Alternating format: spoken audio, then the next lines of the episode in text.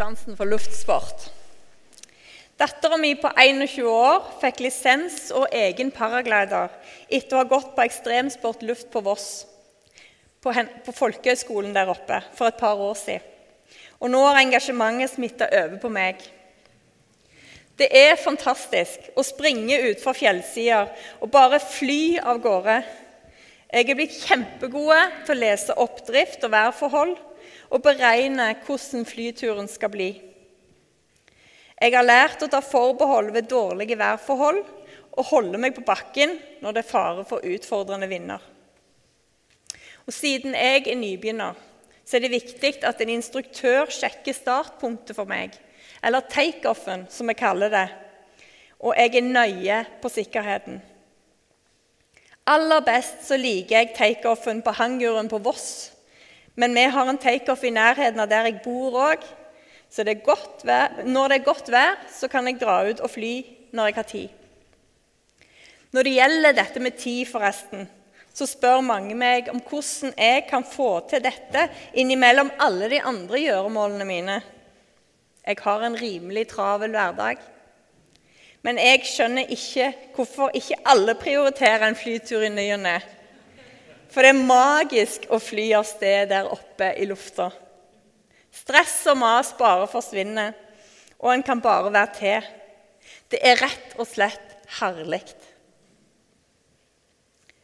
Nå gjenstår det bare én ting, og det er å komme seg ut for å fly på skikkelig.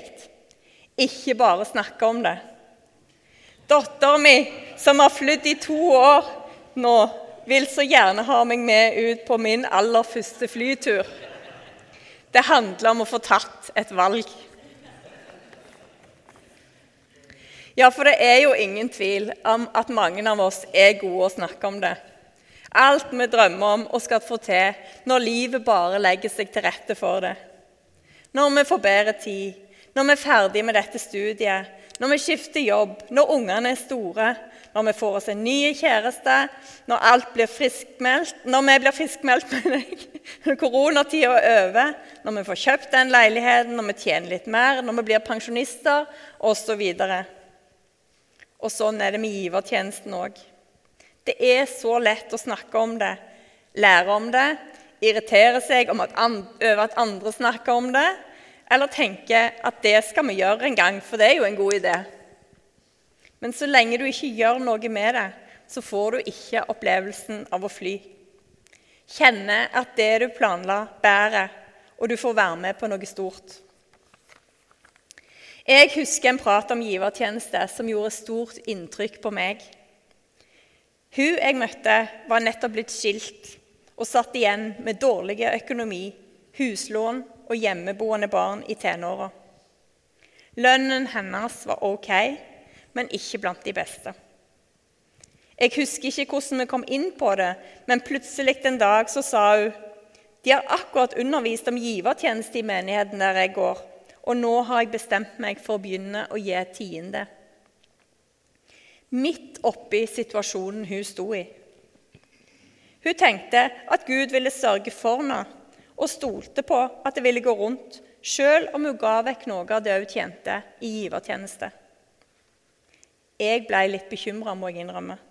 For jeg visste hvor krevende det hadde vært å bli sittende med det huset for at ungene skulle få bo der videre. Men det gikk rundt. Hun hadde, roms, hun hadde, hadde det aldri romslig på den tida, men hun hadde heller aldri for lite. Sjøl sier hun i dag at det var Gud som sørga for henne og ungene. At det var riktig å gi, og at hun har fortsatt med det og når ungene har flytta ut og hun har fått bedre økonomi. Hun tålte å satse og opplevde det som fint og trygt midt oppi alt det som var utfordrende på den tida. I 2001 var jeg sjøl med på å starte menighet i byggefeltet der jeg bor. Berland menighet. Det begynte med et brev fra Det norske misjonsselskap om at de hadde en prest, Oddbjørn Stangeland, som kom hjem fra Thailand.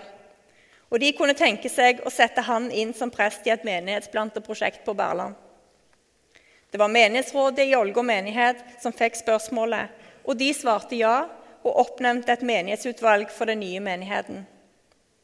Avtalen var at det skulle være et treårig prosjekt, og NMS skulle betale lønn i ett år, mens vi sjøl skulle betale lønn i to år. Og de pengene hadde vi jo ikke. Så kom vi i gang, og etter en stund gikk alvoret opp for oss. Hvis ikke vi som gikk i menigheten, ble med på givertjenesten, så var ikke dette liv laga. Da måtte Oddbjørn finne seg en ny jobb for å kunne forsørge familien, og menigheten måtte legges ned. Det var alvor. Plutselig ble de kronene vi hadde bestemt oss for å gi hver måned, veldig viktige, veldig konkret. Og der sto vi som familie og lurte på om vi ville klare å justere opp litt, bidra litt mer. Min mann hadde 100% stilling, jeg hadde 60% stilling.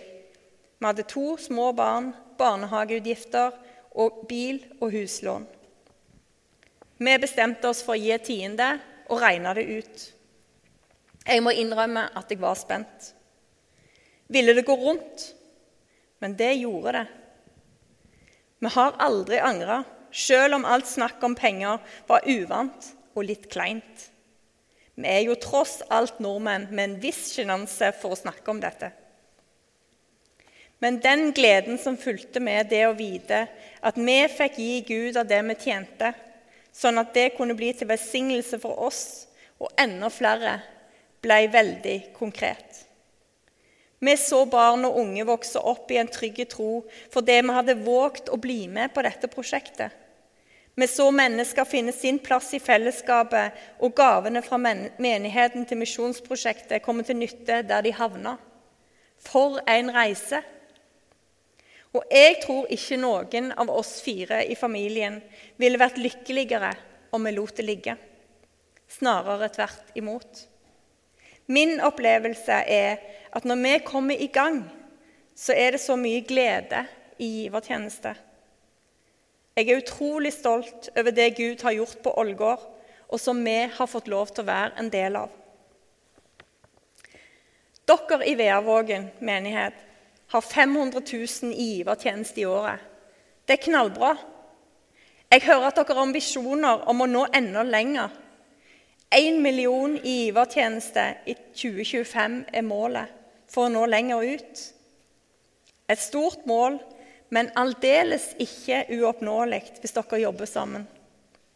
Men da må dere komme i gang, alle sammen. Starte med å gi, det nytter ikke med gode intensjoner, sånn som jeg har med paraglidingen, om dere ikke kommer i gang. Hvilket beløp du skal gi, er en sak mellom deg og Gud. Tiende er en fin ting, men tenker du at du heller ønsker å gi et annet beløp, enten større eller mindre, så er det det viktigste at du kommer i gang. For det handler om å gi det du har bestemt deg for i ditt hjerte ikke med ulyst eller tvang, sånn som det sto i en av tekstene vi leste. Gud har gitt oss frie vilje fordi han ikke ønsker å tvinge oss. Med den frie viljen så kan vi sjøl ta valget. Kan jeg få lov å gi deg en utfordring? Hvis du ennå ikke har kommet i gang, så sett av litt tid i dag eller i morgen til å regne ut hva du deg, vil bestemme deg for å gi i fast givertjeneste og så gjør du det. Det er bedre å starte enn å bare tenke på det. Gi det du har bestemt deg for, til menighet og misjon. Det du har bestemt deg for, ikke fordi Oddbjørn eller jeg eller andre har sagt det, men som en trospraksis. En handling som springer ut fra troen og relasjonen til Gud. Dere her i menigheten hadde ikke kunnet gi barn, unge og voksne et tilbud sånn som dere gjør i dag, om ikke noen hadde bestemt seg for å gi. Dere har utrolig mye å være takknemlige for allerede. Og jeg gleder meg til å høre hvordan dette ser ut om fire år. Det er godt for oss å søke Guds rike først, og med økonomien vår. Å komme til Gud med noe først når vi får arv, pengegaver, lønn eller andre inntekter. Alltid søke Gud først. Hvorfor? For det er så lett at det sklir ut hvis vi ikke gjør det. Og nå skal dere få et gjensyn med filmen fra sist, for den understreker jo dette på en glimrende måte.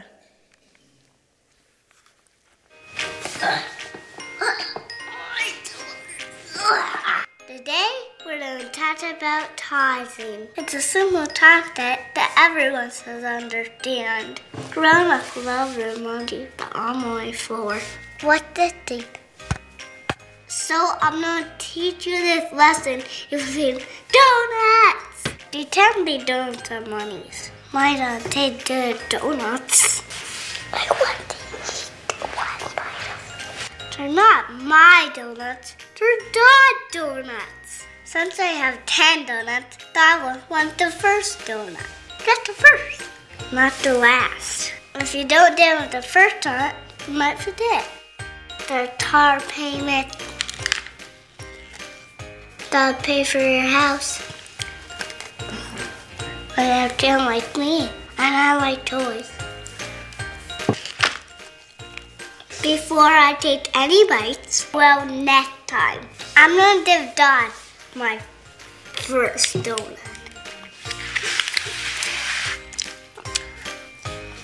Mmm.